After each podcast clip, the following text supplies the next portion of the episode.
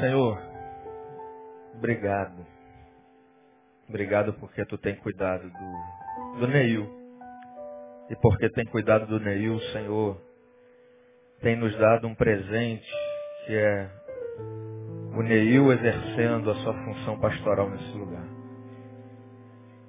Obrigado porque ele foi sensível em ouvir a tua voz há três anos atrás para iniciar esse ministério.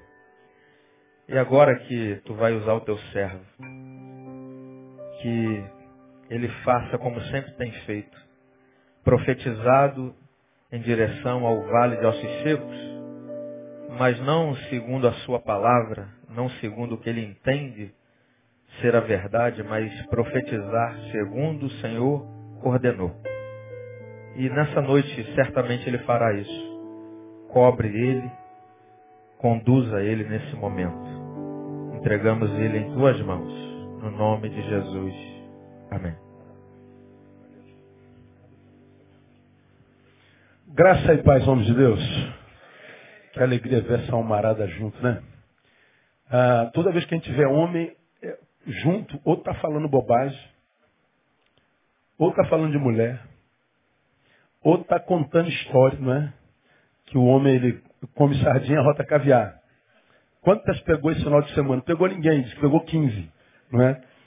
É, é só conversa fiada. Aí vê esse, esse monte de homens em torno da palavra de Deus é muito bonito de se ver. Amém ou não amém? Ah, eu quero dizer para você que a esperança de Deus para a sua igreja está nas nossas mãos, dos homens. Deus nos constituiu cabeças das nossas famílias, consequentemente também da sua igreja. Mulheres têm conduzido a igreja por longos anos na história da igreja, a igreja se tornou uma igreja feminina. Elas são mais numerosas, elas são mais presentes, elas são mais responsáveis. E nós louvamos a Deus pela vida de todas as mulheres que temos. Eu tenho, tenho três em casa.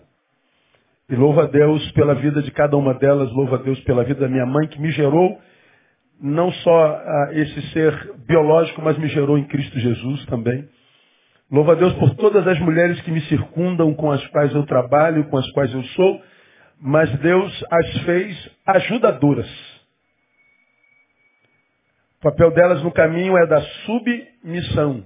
A missão é nossa. A missão é tua. Se o homem não cumpre a missão, ela deixa de ser cumprida. E quando cumprida, não é cumprida como deveria ser.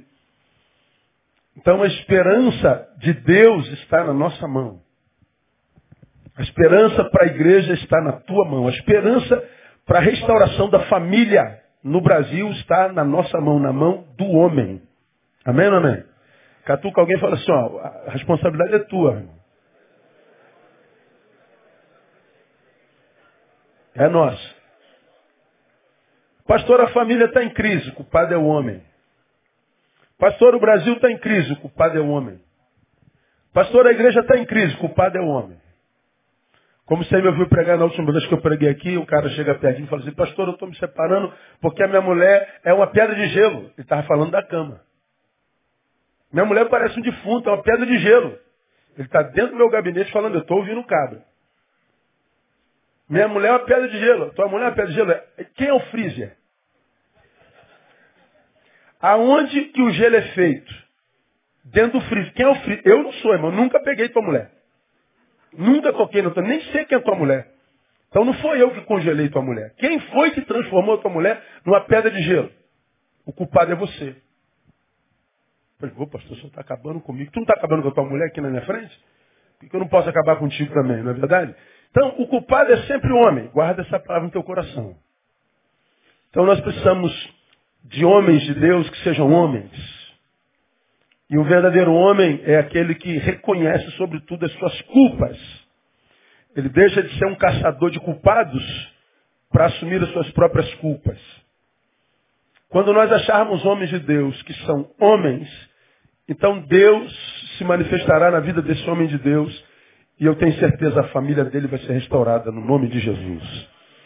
Ah, na verdade, o Ministério de Homens da nossa igreja não tem três anos, tem nesse novo formato, nessa nova, nova ah, conjectura histórica, digamos assim, mas eu estou aqui há 23 anos, já tivemos lá atrás a sociedade masculina de homens.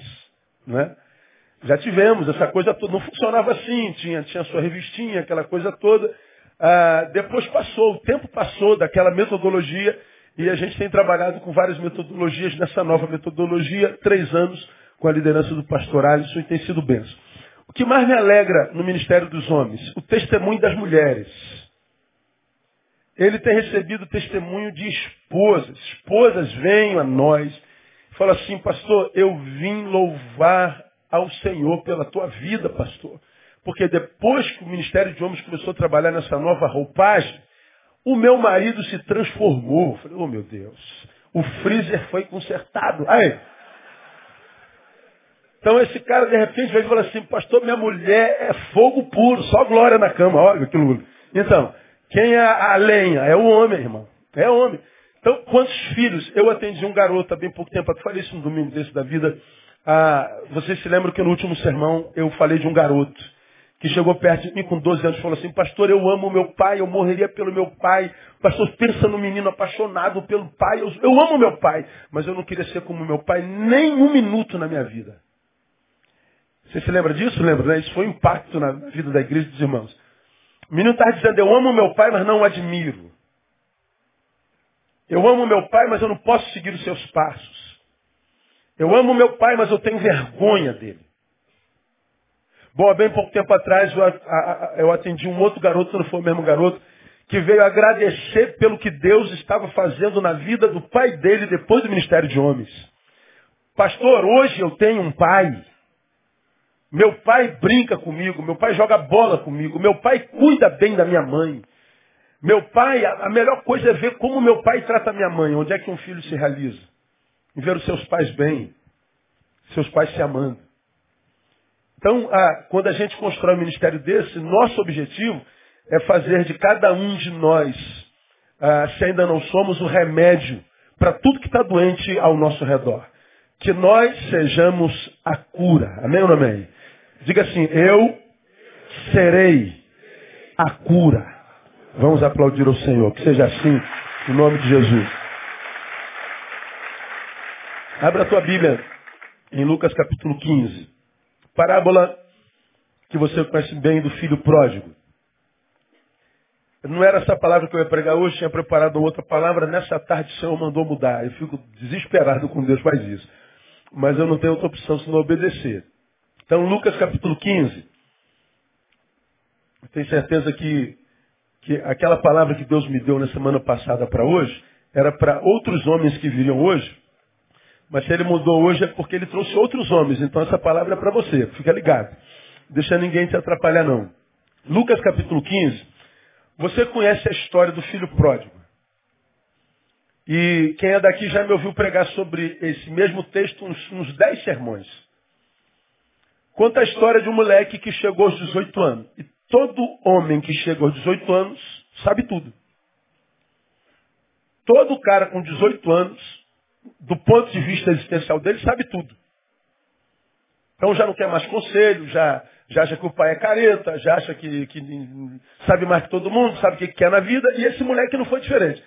Ele chega a maior idade, imaginamos que aos 18 anos, ele chega perto do pai e fala assim, olha só, coroa, já sou dono da minha vida, tenho 18 anos, o senhor não tem mais poder sobre mim, eu não quero mais obedecer o senhor nem mais ninguém, sou dono da minha vida, já amadureci, sei tudo, então inclusive estudei a, a, a, as leis sobre herança e eu sei que mesmo em vida eu tenho direito a uma parte da herança. Então me dá o que me cabe e eu vou embora. Tá bom, filho. O pai fez o cheque, deu para o moleque, o moleque foi embora. E a Bíblia diz que ele foi viver a sua vida dissolutamente, ou seja, irresponsavelmente. Ele foi viver sem razão alguma. Se entregou aos desejos se entregou à, à, à carne, se entregou à irracionalidade. A sua parte animal dominou o humano que havia nele. Ele colocou o humano, o ser racional, o animal racional, de férias por um período e foi ser um animal irracional. Bom, quando ele descobre que o dinheiro acabou, ele percebe então que em torno da mesa também acabaram-se as amizades. Ele percebe que quando o dinheiro acaba, acabam-se também as mulheres. Ele percebe que quando o dinheiro acaba, acaba também a alegria, o sorriso, acaba a celebração, acaba a companhia, acaba tudo. Aí, quando ele não tinha mais com o que pagar, ele descobriu que as muitas amizades que tinham, nenhuma delas era amizade de verdade. Descobriu que a, os amores todos das mulheres que ele tinha, nenhuma delas era amor por ele, era amor por aquilo que ele possuía. Ele descobriu que não tinha a, o afeto de absolutamente ninguém, todos estavam interessados no que ele podia dar. E aí então ele se vê sozinho. Tenta emprego em vários lugares, não consegue emprego em lugar nenhum, até que ele chega na casa de um fazendeiro que criava porcos. E ele disse assim, ó, eu não estou precisando de empregado, mas se você quiser trabalhar, cuidar dos meus porcos, você pode. Quanto é o meu salário? Não, você pode comer o que o porco come. Bom, só que ele já estava com fome. Quem está com fome não escolhe o prato de onde vem. Eu quero é não morrer de fome. Quando a gente perde tudo, a gente descobre que tudo que a gente precisa é se manter vivo. E aí, para se manter vivo, ele então aceita o emprego, ele vai comer alfarroba, ele vai comer o que os porcos comem. Bom, só que no versículo 15, no versículo 17, tem um versículo com o qual quero pensar com os irmãos que diz a respeito desse moleque o seguinte. Caindo, porém, em si, disse, quantos empregados de meu pai têm abundância de pão e eu aqui pereço de fome? Vou repetir. Caindo, porém, em si, disse, quantos empregados de meu pai têm abundância de pão e eu aqui pereço de fome? Repita após mim. Caindo, porém, em si. Então, é o que o texto diz sobre o guri. Diz que ele vem crescendo, cresce, chega perto do pai, pega o dinheiro, vai embora, passa por muito tempo vivendo uma vida nababesca, irresponsável, amizades, mulheres, cerveja no copo, cerveja em torno da mesa, multidão em torno da mesa, e o tempo vai passando, o dinheiro, que não era pouco, vai acabando, e a solidão se aproximando até que quando ela se aproxima e ele se vê sozinho, ele agora só quer sobreviver. Ele não está precisando mais de amigo, de mulher, de parceiro, de honra, de glória, de bajulação, só quero viver. E aí ele vai parar no chiqueiro, ou seja, literalmente vai viver uma porcaria de vida. Agora, o que, que eu quero compartilhar com os irmãos essa noite? Lá na porcaria de vida, diz o texto que o moleque cai em si. Eu gosto desse moleque. Por duas razões. Primeiro, porque ele foi macho aos 18 anos para chegar perto do pai e fazer a maior besteira da vida. Eu estou vazando. Foi macho. Só que, embora achando que sabia tudo, ele só não sabia que não sabia nada de administração financeira. Ele não sabia nada a respeito de construir amizades saudáveis. Ele não sabia nada sobre amor. Ele achava que sabia de tudo. Mas não sabia de economia, de construção de animais, de, de, de, de amizade, não sabia sobre, sobre relacionamentos afetivos. Ele não sabia nada sobre o outro, ele não sabia nada, embora achasse que sabia tudo. Quando ele vai parar na porcaria de vida, diz que ele continua macho. Ele foi macho para fazer a besteira, mas foi macho para se arrepender. Ele cai em si, diz o texto lá no versículo 8, caramba, Tanta gente que trabalha para o meu pai vive uma vida melhor do que eu, que sou herdeiro. Então eu vou me levantar, vou voltar para a casa do meu pai e vou dizer, pai, pequei contra o Senhor perante o céu e já não sou digno de ser chamado seu filho. Me faz um dos teus empregados. Fui macho para fazer a besteira, pai. Sou macho para reconhecer o erro que cometi. Sou macho para saber que eu não mereço mais ser chamado filho. Sou macho para humildemente pedir, me perdoa, me dá um empregozinho aí. Esse moleque é macho. A diferença é que aqui atrás, ele era um macho inexperiente. Ele era um macho imbecil. Um macho moleque. Mas agora, o que, que aconteceu com esse moleque? A dor o fez crescer. A adversidade o amadureceu. A adversidade gerou um homem dentro dele. E agora, homem amadurecido pela dor, pelo abandono, pela vergonha, pela adversidade, ele continua sendo macho e ele usa a sua hombridade para reconhecer o seu erro, voltar, pedir perdão. E a história dele, então, termina uma história feliz. Agora vamos pensar comigo um pouquinho. Quando é que a, a gente pode escrever na nossa história, viveram felizes para sempre? A nossa história só termina feliz quando a gente, a despeito da dor que vive, a despeito da adversidade pela qual passa, transforma a dor e a adversidade em escola, e transformando a dor e a adversidade em escola, a gente cresce, reconhece o erro e volta. Porque quem vai apanhando da vida, quem vai sentindo dor na vida, quem vai sendo humilhado na vida, isso é muito comum no dia a dia na vida de qualquer um de nós, vai sendo desconstruído na vida, vai sendo chacota na vida, humilhado na vida, vai sendo, vai sendo a, a saco de pancada da vida. Se ele chega aqui, se transforma a, a, num ser que tem pena de si mesmo, um revoltado com a vida, um alguém que não se enxerga, que não transforma a dor em escola, bom, o resultado dele é viver porcaria de vida até o fim da vida. Porque não há restauração para homem que não transforma a dor em escola. Não há final feliz na vida para moleque, a despeito da, da idade que tem, que não aprende com os próprios erros. Tenho caminhado é, esse país afora por todo tipo de igreja, lidando com todo tipo de gente, dentro do gabinete com todo tipo de adversidade. E o que a gente mais encontra na vida é gente cuja dor gerou no sujeito que sente dor um ser que morre de pena de si mesmo. E que, como você me tem ouvido falar ao longo desses anos todos, ao invés de reconhecer a sua culpa no negócio, ele se, se, se, se, transforma num, num caçador de culpados, como você me tem ouvido falar. Ele se transforma em alguém que atira para todos os lados, tentando achar alguém que ele possa culpar para justificar a porcaria de vida que ele está vivendo. Aí aqui eu me lembro de Freud. Freud diz assim, ele é uma indagação. Qual a sua responsabilidade na desordem da qual você se queixa? Qual a sua responsabilidade na desordem da qual você se queixa? Bom, por que, que eu gosto desse moleque? O moleque está aqui totalmente desordenado e ele diz assim: Eu sou o culpado. Não, o culpado foi o meu pai. Meu pai podia ter tentado me manter em casa. Meu pai podia tentar me dissuadir. Ou não, o culpado foi meu irmão. Meu irmão nem estava lá. Ele não foi me despedir de mim, se despedir de mim quando eu fui embora. E a minha mãe? A mãe não aparece na história, né? Minha mãe devia estar ocupada em algum outro lugar. Ah, os meus amigos, ninguém me deu uma força. Ninguém... Não. Eu.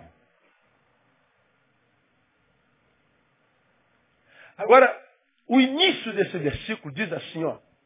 Caindo porém em si. É aqui que eu quero me prender com os irmãos.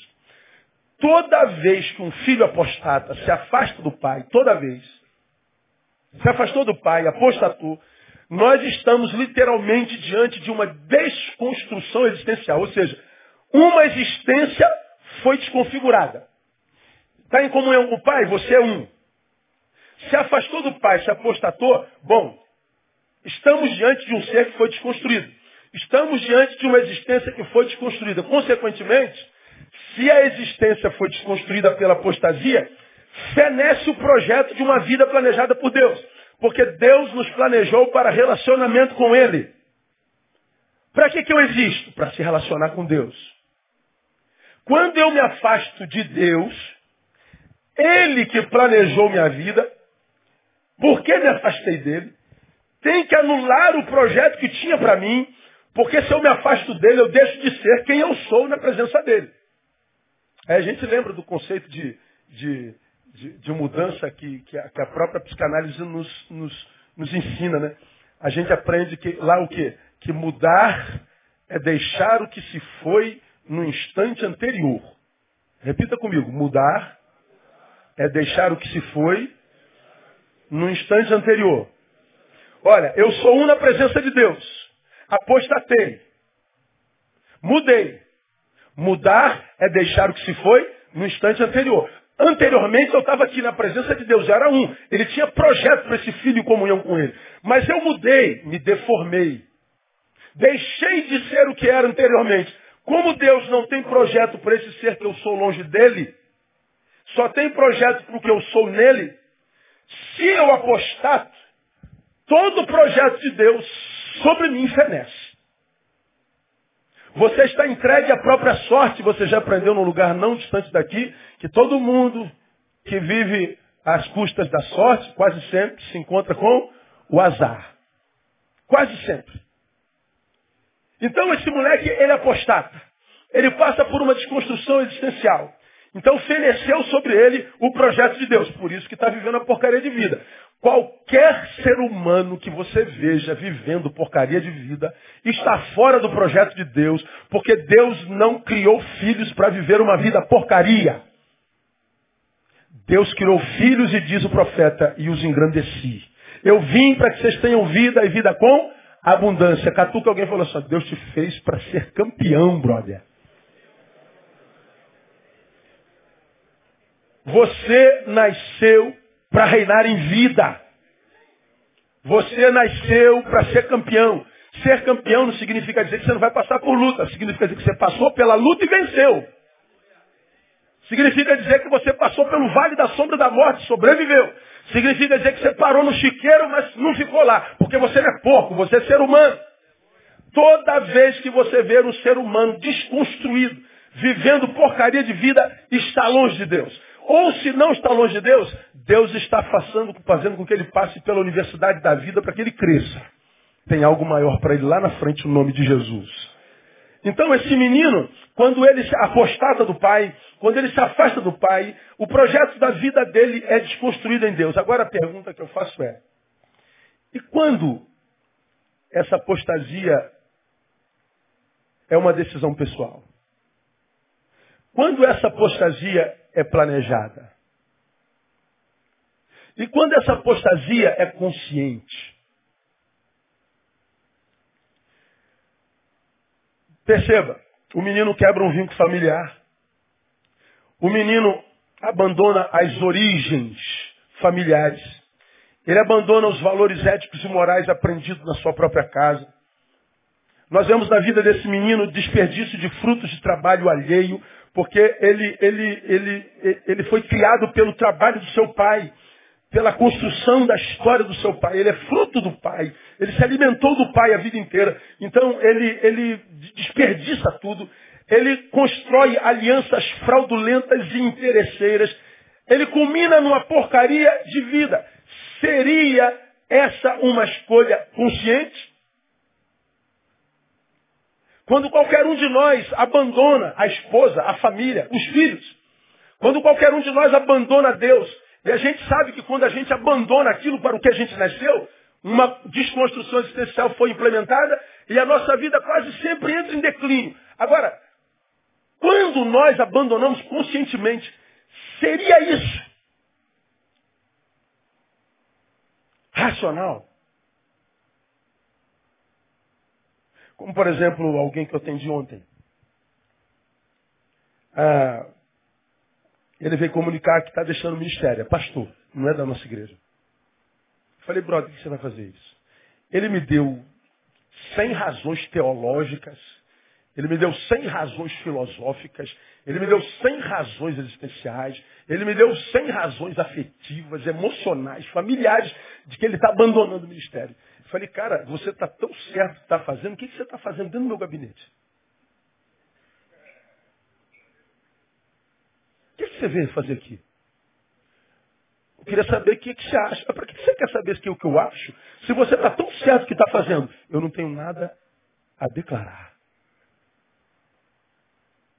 Tu pode pelo menos orar comigo? Ó Deus abençoe o teu servo em nome de Jesus, amém. Acabou. 15 minutos de atendimento. Ele deve estar com uma raiva de mim, louca. Não, ele é meu amigo, ele sabe como é que eu sou. Ele sabe que não vai estar sozinho. Agora a pergunta que eu faço, o cara abandona a igreja, ministério, vocação. Aquilo que alguns anos atrás ele disse, nasci para isso. É a razão da minha vida. Foi por causa disso que eu fui criado. E agora ele abandona e cheio de justificativas para tal. Bom, vamos nos encontrar daqui a cinco anos, daqui a dez anos. Olha, o que a gente vê na vida de tantos de nós, essa, essa desconstrução maldita pela qual passa essa sociedade, e essa sociedade é, composta por indivíduos fracassados, gera um conglomerado de gente que, que, que se transforma na doença do outro. Vivemos um tempo maldito, onde a gente não pode mais acreditar em absolutamente mais ninguém. A gente não pode é, é, implementar como verdade a palavra de mais ninguém. Nós vivemos cercados por uma multidão, mas extremamente só, porque a gente não consegue mais é, é, é conluio de alma, de verdade, de vocação, com mais ninguém. A, a, a, sensação de solidão. Por quê? Porque nós estamos sendo desconstruídos. Agora, quando isso é racional, consciente, será isso racional, ser consciente? Bom, na perspectiva do moleque, não. O moleque só caiu em si quando ele estava dentro do chiqueiro. Ora, se ele caiu em si no chiqueiro, significa dizer que desde o afastamento do pai até o chiqueiro, ele estava o quê? Fora de si. Então nós aprendemos três coisas aqui. Primeiro, posso estar fora de mim, mesmo dentro da minha mais plena razão.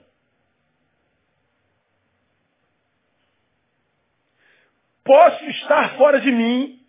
Olha, parece um, uma incongruência.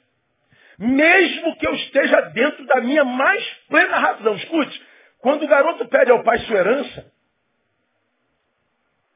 ele não está fazendo em, em, emoção, não. Quando ele chega perto do pai, ele não faz da noite para o dia, não. Esse moleque certamente pensou muito antes de fazer isso. Ele estudou o que dizia a lei, ele estudou se dava para ter herança em vida. Ele pensou muito. Não foi de ontem que ele tinha 17, 364 dias para 18, quando completou 365 dias, fez 18. Não, esse moleque fez pensado.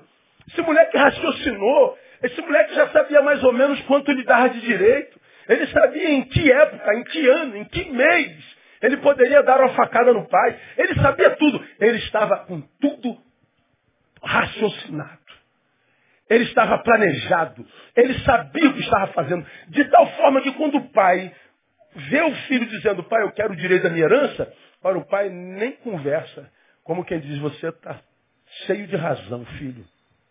Você tem direito a isso tudo. Mas a despeito de estar na plena razão, esse moleque diz a palavra está fora de si. Por quê? Porque razão não é tudo. Aí eu me lembro de Karl Kraus. Kraus foi um dramaturgo austríaco que disse isso aqui, ó. Refreia as tuas paixões, mas toma cuidado para não dar rédeas curtas às tuas razões.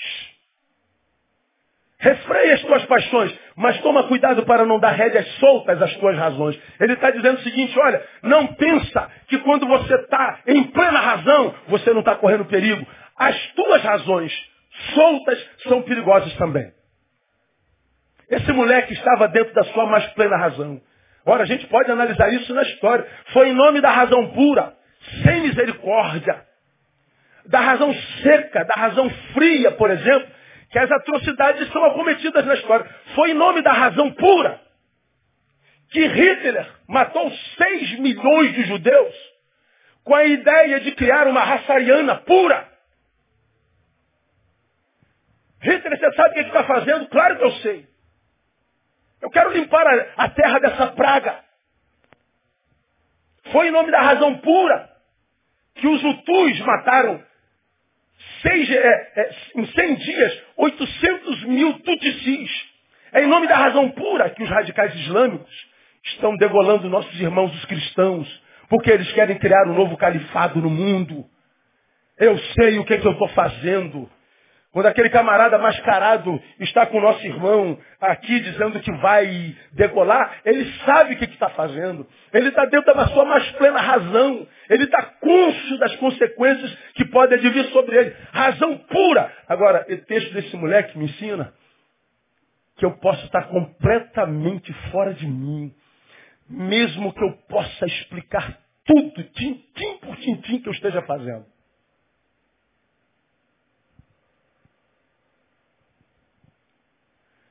A razão pura é o nome dado ao que a psicologia conhece como amor patológico.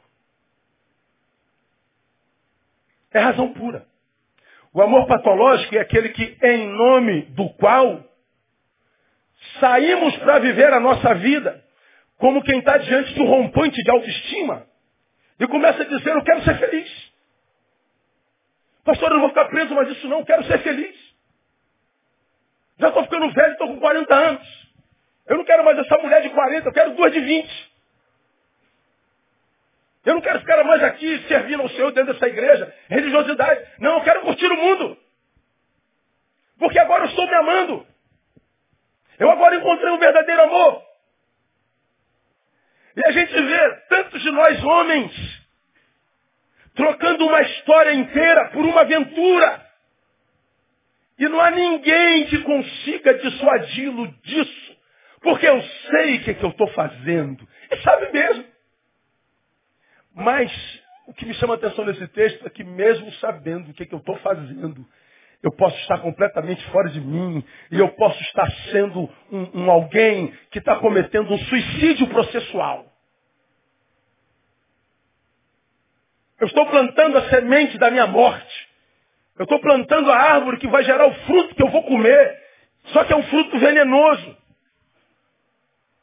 Quantas vezes nós somos assim, irmãos? Em nome do eu sei o que, que eu estou fazendo. Bom, conta a história de um marido, de entre nós. marido casado há 26 anos se apaixona por outra mulher. E é muito comum. Ele tem o primeiro flerte.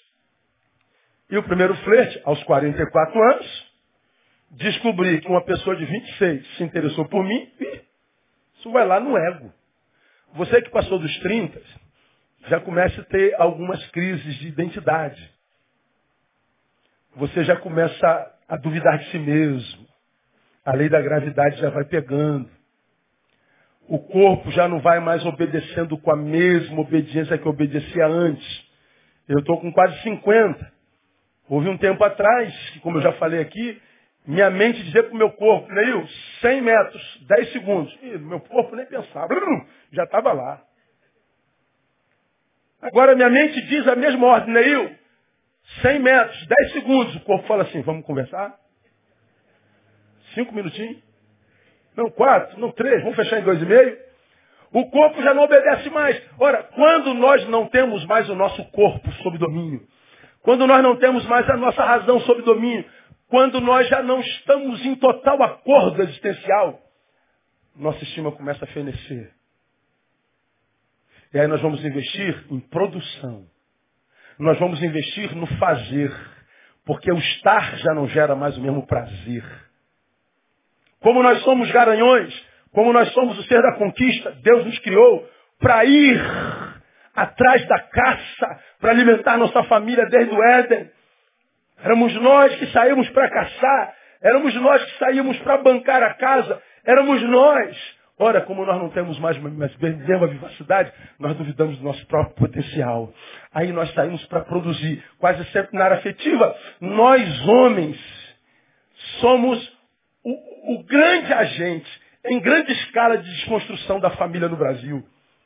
Porque nós somos fáceis de sermos levados.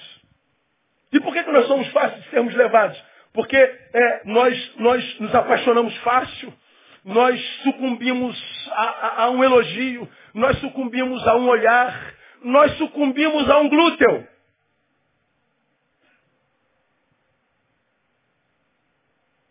Sabe o que é glúteo? Sabe, né?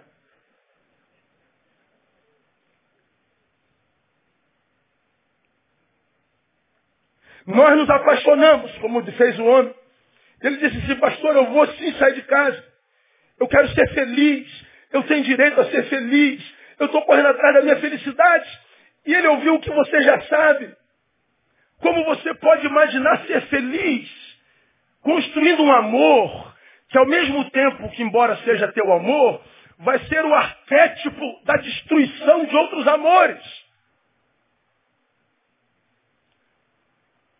Essa pessoa que você diz é teu amor, sim, é teu amor hoje. Mas ela, ao mesmo tempo que é teu amor, vai ser o símbolo da destruição de outros amores. O amor do teu filho, o amor da tua mãe, o amor da tua esposa, o amor do teu pastor, o amor dos teus amigos.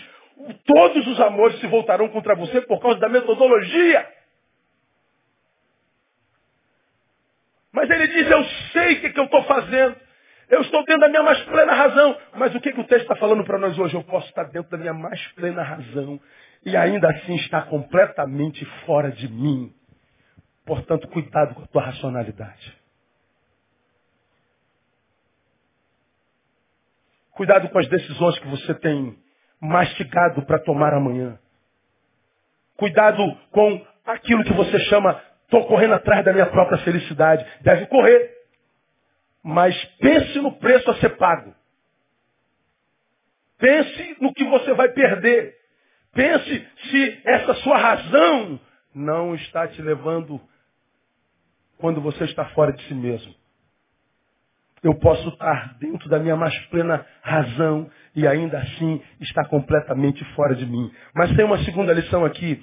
Posso estar fora de mim, mesmo que minhas emoções estejam plenamente equilibradas. De um lado eu posso estar fora de mim, ainda que minhas razões estejam completamente no lugar. Segundo, eu posso estar fora de mim, mesmo que as minhas emoções estejam plenamente equilibradas. Tudo que aquele moleque não foi é sentimental. Ele chega perto do pai gelado. Ele chega perto do pai frio. Ninguém pode falar que aquele moleque está virado. Não, ele estava fora de si porque está virado.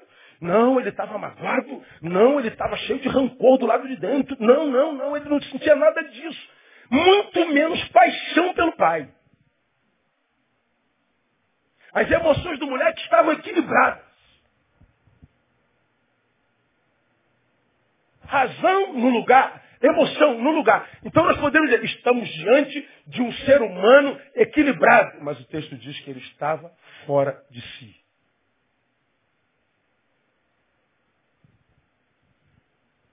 O que havia dentro daquele moleque era o oposto de desequilíbrio. O que, que havia dentro dele? Sonhos que, que havia dentro dele? Projetos. O que, que havia dentro dele? Ambição com relação ao futuro. Esse moleque estava planejando, esse moleque estava cheio de esperança, esse moleque estava cheio de sonho, esse moleque estava cheio de tudo que era bom. Esse moleque tinha tudo para ser feliz. Ele estava pensando em liberdade, ele estava pensando em uma vida melhor, ele estava pensando em autonomia, ele estava cheio de sentimentos positivos. Mas o texto diz que ele estava completamente fora de si. Percebam que tudo o que havia no jovem era legítimo. Sonho, projeto, autonomia, esperança, liberdade, tudo, tudo era legítimo, pertinente, de valor inquestionável. Mas ainda assim, o texto diz que ele estava completamente fora de si. Irmãos, quando, quando, eu, quando eu entendi essa palavra, eu me arrepiei. Eu falei, meu Deus, se, se, se eu posso estar fora de mim, dentro da minha racionalidade fria e filosófica, se eu posso estar fora de mim, mesmo dentro do mais equilibrado sistema nervoso, minhas emoções devidamente centradas, no devido lugar. Meu Deus, o que é estar fora de mim então? Como que esse moleque está fora de si? Porque eu aprendi nesses anos todos que eu estou fora de mim, como, como, como quando eu agi ontem aqui, eu confesso um pecado. Estou com o Thaís no carro dirigindo. Nossa, que vergonha. Saio no sinal, o cara avança o sinal. Eu jogo o carro para a esquerda, subo a calçada quebra uma roda. Aí o cara freou, olhou para mim e riu da minha cara. Falei, meu Deus. Aí entrou um demônio no dedão. O demônio foi subindo, subindo, subindo. Eu devia de interditar o demônio logo, mas eu dei livre acesso ao demônio. Mas subiu uma ira tão grande, tão grande. Veja, olha como é que nós somos doentes. Eu, eu desvio do carro, subo calçada, quebro a roda do carro. Mas o que é que mirou? O sorriso do cara. Orgulho. Eu fico tão irado, o que, que eu faço? Eu, eu, eu, dou ré no carro e com roda quebrada vou atrás dele igual um maluco, mano. Para do lado dele e começo. Meu amado irmão, querido irmão, Deus te abençoe. Nada. Senhor te abençoe. Eu numa ira, e Thaís do meu lado, minha filha é toda gênia, toda riponga, quem conhece minha filha, né? Hum, pai, deixa isso pra lá, pai, deixa isso pra lá, deixa isso pra lá. Não, abre esse vidro. E ela, não, não vou abrir, abre esse vidro. Eu comecei a brigar com ela, abre o vidro. Que eu queria brigar com o cara. E ela então abriu, aí eu discutindo com o cara, pô, você aquela discussão toda. Cara, eu parei na frente dele, abri a porta do carro e Thaís me segurou. Aí quando ela me segurou, ela falou assim, pai, não é você. Na hora, o demônio foi embora. Não tem nada a ver com você. Tirei o carro da frente, gostei, deixei o cara embora. Pedi desculpa à minha filha. Falei, filha, pior exemplo que um pai poderia dar, eu dei agora. Você me perdoa? Você é humano, pai. Eu sempre entendi que estar fora de mim era perder o controle da minha razão. Era ver minhas emoções desequilibradas. Eu imaginei que estar fora de mim tinha a ver em aparecer em mim um Neil que eu não conheço, como aconteceu ontem. Mas isso é no campo da, da psique. Mas na palavra é outra história. Eu posso estar fora de mim, mesmo que a minha razão esteja plenamente equilibrada. Eu posso estar fora de mim mesmo, que as minhas emoções estejam completamente nos seus devidos lugares, hum, mais fora de mim. Então, o que, que eu aprendo, terceiro e por último? Que fora de mim ou em mim, portanto, não tem a ver com razão ou emoção. Fora de mim tem a ver com senso de valores. Eu estou em mim ou fora de mim, a proporção dos valores que eu tenho, da saúde do meu senso de valores. Veja comigo, o jovem estava fora de si porque trocou a amizade do pai pela amizade do mundo. O menino estava fora de si porque ele imaginou que ia encontrar gente que o amava mais do que o pai, do que a família. Eu posso fazer toda, toda uma construção filosófica para justificar que eu tenho amigos que me amam mais do que meu pai e minha mãe. Eu posso fazer uma construção psíquica, psicanalítica, para justificar que existem mulheres que me admiram mais do que a minha esposa. Eu posso construir tudo. Mas se a despeito disso eu troco a minha família por qualquer outra coisa, eu estou doente. Esse moleque estava fora de si porque ele trocou a amizade do pai pela amizade do mundo. Se é para você, moleque, que está aqui, é jovem, não é casado ainda, e que é tentado por esse mundo falacioso, facebookiano, mentiroso, onde só tem esperto, malandro, sangue bom, que vende uma liberdade que nada tem a ver com liberdade, porque você já aprendeu aqui que para o mundo, para o mundano, liberdade é poder fazer tudo o que se quer, mas na palavra liberdade é não fazer o que se não quer. Vivemos um tempo onde jovens, eu sou livre porque eu posso beber, posso fumar, posso cheirar, posso transar, posso usar, posso... Legal, você é livre porque pode fazer tudo isso? Pode. Para de fazer. Ele não pode. Porque ele não é livre. Ele vive uma falsa liberdade. Então, meu irmão, a, a palavra de Deus para o nosso coração nessa noite é o seguinte, como está o seu senso de valores? Como é o valor que você imprime à sua família hoje? Qual é o valor que você imprime ao teu Deus e à tua vocação hoje? O que, é que você tem em comum com o filho pródigo? Talvez você esteja aqui, ainda não esteja vivendo uma porcaria de vida. Mas se você já não valoriza aquilo que Deus te deu como antes, você está a caminho. Que Deus quer contigo nessa noite interromper o processo da tua decadência. Deus está dizendo, volta para o teu início.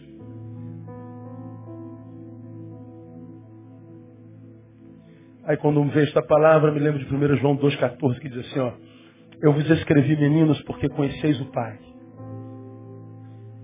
Deus não é negócio para homem, é para meninos também. Eu vos escrevi jovens porque sois fortes.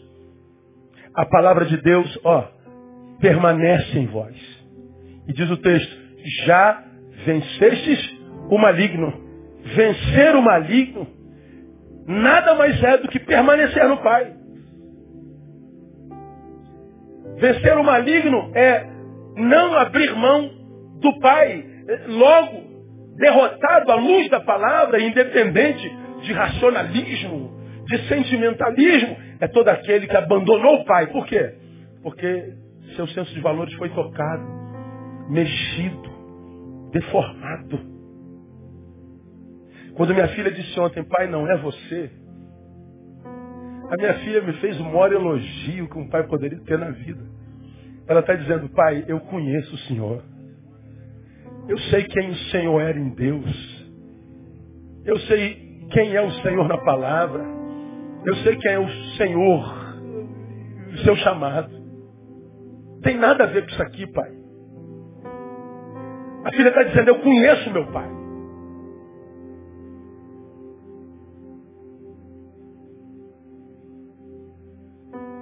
Agora, façamos uma, uma alta análise.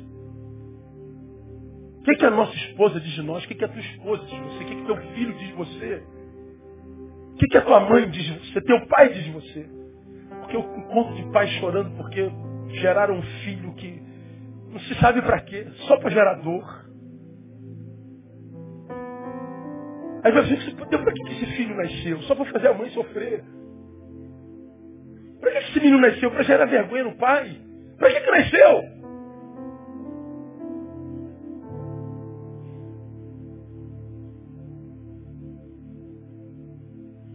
No início desse ano, eu acho que eu já contei isso num dos meus sermões. Uma ovelha nossa que é major do exército, estava lá para o lado do Pará, em litígio com os pais há 18 anos. Não fala com os pais. O pai é cometido de câncer e ele não vem visitar o pai. Eu ligo para ele, brother, vem visitar teu pai. Não vou, não vou, não vou, não vou, não vou, não vou, não perdoa, não perdoa, não perdoa, não perdoa, não perdoa. O que a gente pode fazer, né? O pai agrava a enfermidade, o médico desengana. E foi transferido para o INCA 4. O INCA 4 é o, é o terminal. Depois deram alta, que é para ele morrer em casa. Eu liguei para o major. Filho, teu pai estava até ontem no Inca 4 e recebeu alta para casa. Você sabe por quê? Não tem nada a ver com isso, pastor. Aí eu fui duro. Teu pai vai morrer. Você não vai perdoar teu pai você vai se arrepender. Vai ser tarde demais. E porque está na tua mão o poder de perdoar, em não fazendo depois da morte, você não se perdoará. Você vai viver culpa até o fim da tua vida. Ele ficou em silêncio do lado de lá. Você vem ou não vem? Vou pensar, pastor. Bom, já não é mais não, né? Então eu toquei nele. O pai morre no dia seguinte, ele não tem tempo de vir. Seu pai acaba de morrer. Pastor, mas eu estou com a mala pronta, tarde demais, filho. Ele veio para o enterro. No enterro se debruçou em cima do caixão do pai. Agora gritando, me perdoa, me perdoa, me perdoa. Antes era o pai que tinha que pedir perdão a ele, ele tinha que perdoar seu pai. E realmente ele tinha que perdoar o pai porque o pai foi terrível. Só que agora, porque ele não perdoou, estando diante dele, ou estando na sua mão o poder de fazê-lo, o pai morre, então agora ele se sente culpado. Ele está debruçado no caixão, chorando, culpa pedindo perdão ao pai. Eu abraço ele e falo assim, teu pai não pode mais te ouvir. Você vai ter que se perdoar daqui para frente. Sabe qual é o problema? Não há perdão para isso. Agora a graça de Deus na vida dele é capacitando para viver com essa culpa até o fim da vida.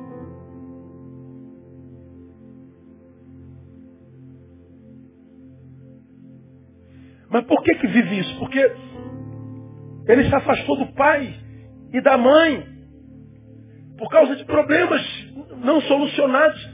E o pior, o, que o fez se afastar, fazia dele a pessoa mais cheia de razão. Ele estava coberto de razão. Ele estava cheio de razão. Mas qual é o chamado do Evangelho? É para que a gente abra mão da razão. Eu tenho razão para te odiar. Eu tenho razão para me vingar. Eu tenho razão.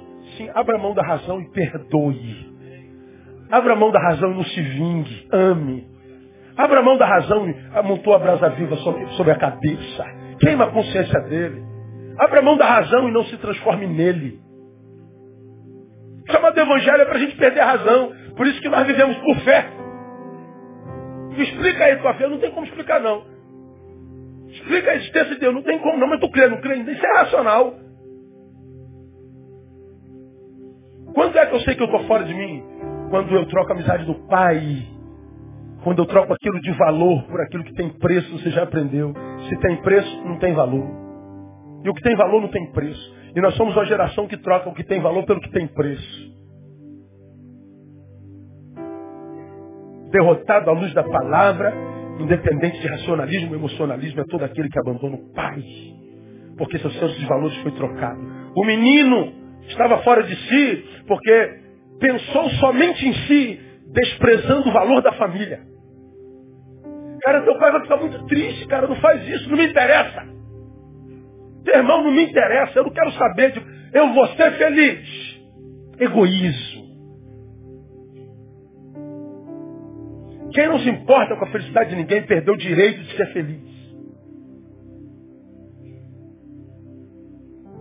1 Timóteo 5,8 diz, pelo que se alguém não cuida dos seus, principalmente dos da sua família, nega a fé e é pior do que o quê? Do que o incrédulo. Quem não cuida. Você já aprendeu, portanto, que nesse versículo, Paulo desconstrói totalmente o equívoco praticado pela igreja cristã ao longo da história.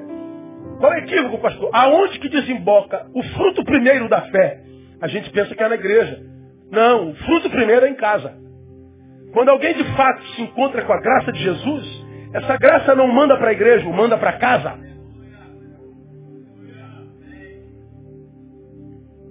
E se te mandou para a igreja não mandou para casa para cuidar dela, você pode morar na igreja, você é pior do que o incrédulo. E o fruto que me manda para casa tem o nome de cuidado. Cuidado é o antagonismo do descuido, do desinteresse. É mais do que um ato, é uma postura vivencial. Cuidar não é um negocinho que vai lá para ti, que vai, não. É, pressupõe envolvimento. A consciência de que se pertence àquilo e aquilo lhe pertence. De modo que sem aquilo eu deixo de ser. Por que, que esse moleque estava fora de si? Porque ele pensou somente em si. Ele achava que havia sensações mais saborosas fora da família. E achar que as sensações ou amores mais preciosos, locupletantes do que a família, somente estando fora de si, meu. Tirou a família do seu lugar, a vida entra imediatamente em colapso, em desordem.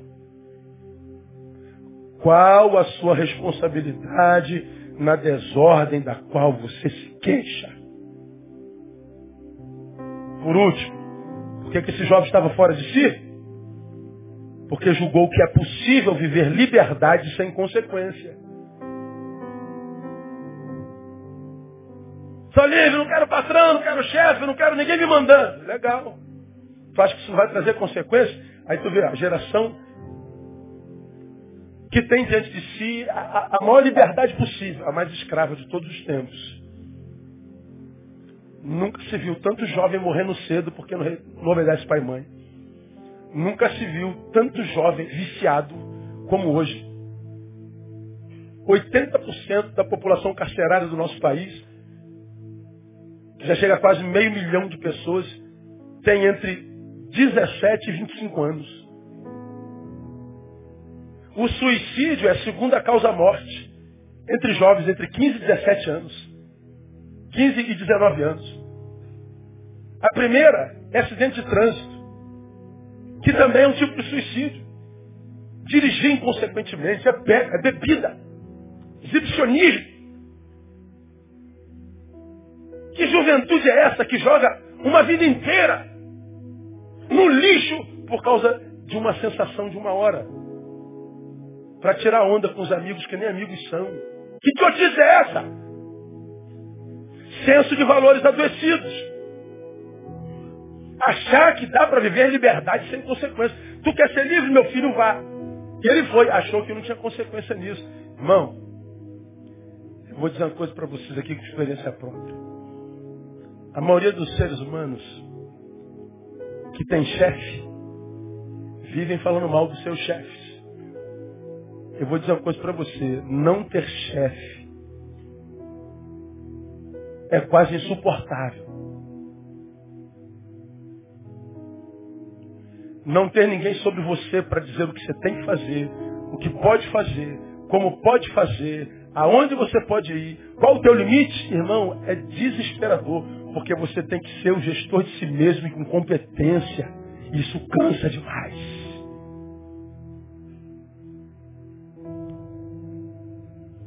Isso requer disciplina 25 horas por dia. Porque a qualquer momento, num instante, não fechar, o bicho aparece e a gente quer matar os outros.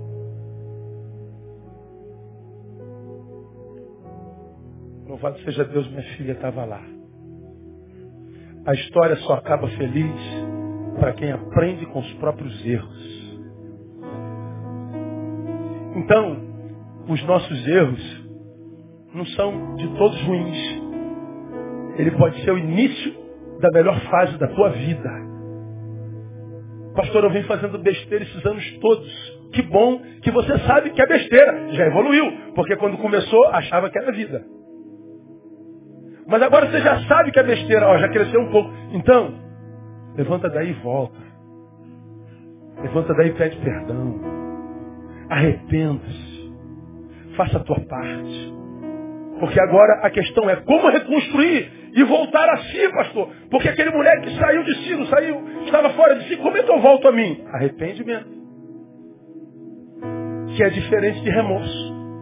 O verdadeiramente arrependido volta humilde, volta quebrantado, volta não para culpar, mas para pedir perdão. Porque a gente vê um monte de relacionamento quebrado que o sujeito volta. Eu volto, mas você tem que você tem que ver, você tem que ver, você tem que ver. Como se estivesse fazendo um favor para voltar. Você tem que voltar arrependido, cara. Não só arrependimento, atitude. Porque arrependimento sem atitude é a absorção do status quo como realidade insofismável, definitiva, imutável. Ou seja, é covardia. Eu me arrependo, mas não ajo? Covarde. Deus quer homens de Deus, que sejam homens que se enxerguem como mulher que se arrependam, se necessário for, e que mais do que isso, age no arrependimento. Porque fora de si você já agiu, mesmo dentro da mais plena razão. Fora de si você já agiu, mesmo com as emoções equilibradas. Mesmo dizendo, eu sei o que eu estou fazendo. Está fazendo e olha onde é que você foi parar. Feliz só no teu Facebook.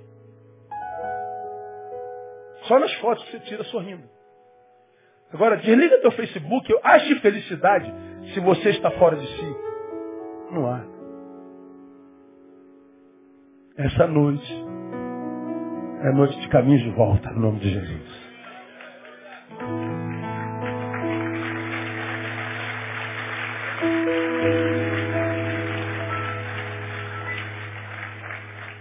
Eu quero orar com você que está aqui é filho pródigo. É pastor, eu estou fora de mim. Eu quero voltar. Eu não sei para onde você precisa voltar. Talvez para Deus. Talvez para o teu chamado, para a tua vocação, para a tua família, para os teus amigos, para o teu ministério. Arrependimento e atitude. Você está coberto de razão. Saiu, tem razão. Você tem razão. Mas daí que você está com razão? Você continua fora do lugar. Você é uma desconstrução existencial. Porque o que Deus tinha para você, tinha para você, não para isso no que você se tornou. E o Senhor está dizendo, meu filho, tudo que é teu, continua teu. Só para aquele filho que você é. Quando o que vive uma porcaria de vida voltou a ser filho, o anel estava lá. O boi tinha engordado. E a festa foi celebrada. Deus quer celebrar uma festa com você nessa noite. Vamos se pé, vamos orar? Quando eu te conheci, meu caminho brilhou. A minha vida agora não é mais a mesma. Eu acredito na palavra, eu acredito no poder do Deus. Aleluia. Paga a luz aí, Leandro. Pastor, Deus falou comigo nessa noite, essa palavra foi para mim. E eu quero voltar. Quero me arrepender e tomar atitude. Enquanto cantamos, Sai do seu lugar e vem, eu quero orar com você. Deus quer fazer um homem melhor, um pai melhor, um filho melhor, um crente melhor, um servo melhor. Abra mão da razão, volta para o teu lugar. Quando eu te conheci, Jesus, meu caminho brilhou, agora minha vida não é mais a mesma. Eu acredito na palavra. Acredito no poder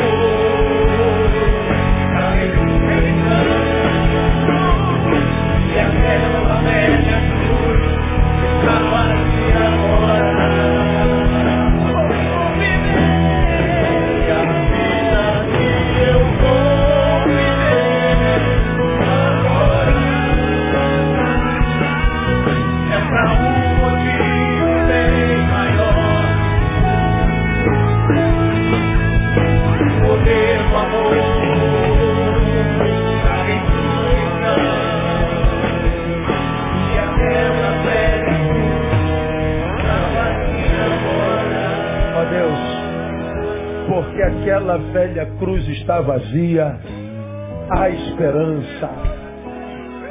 Nosso Deus é vivo. A destra de Deus está, intercede por nós. Por isso, ó Deus, nós suplicamos pelos teus filhos aqui à frente. Filhos que reconhecem que precisam mudar.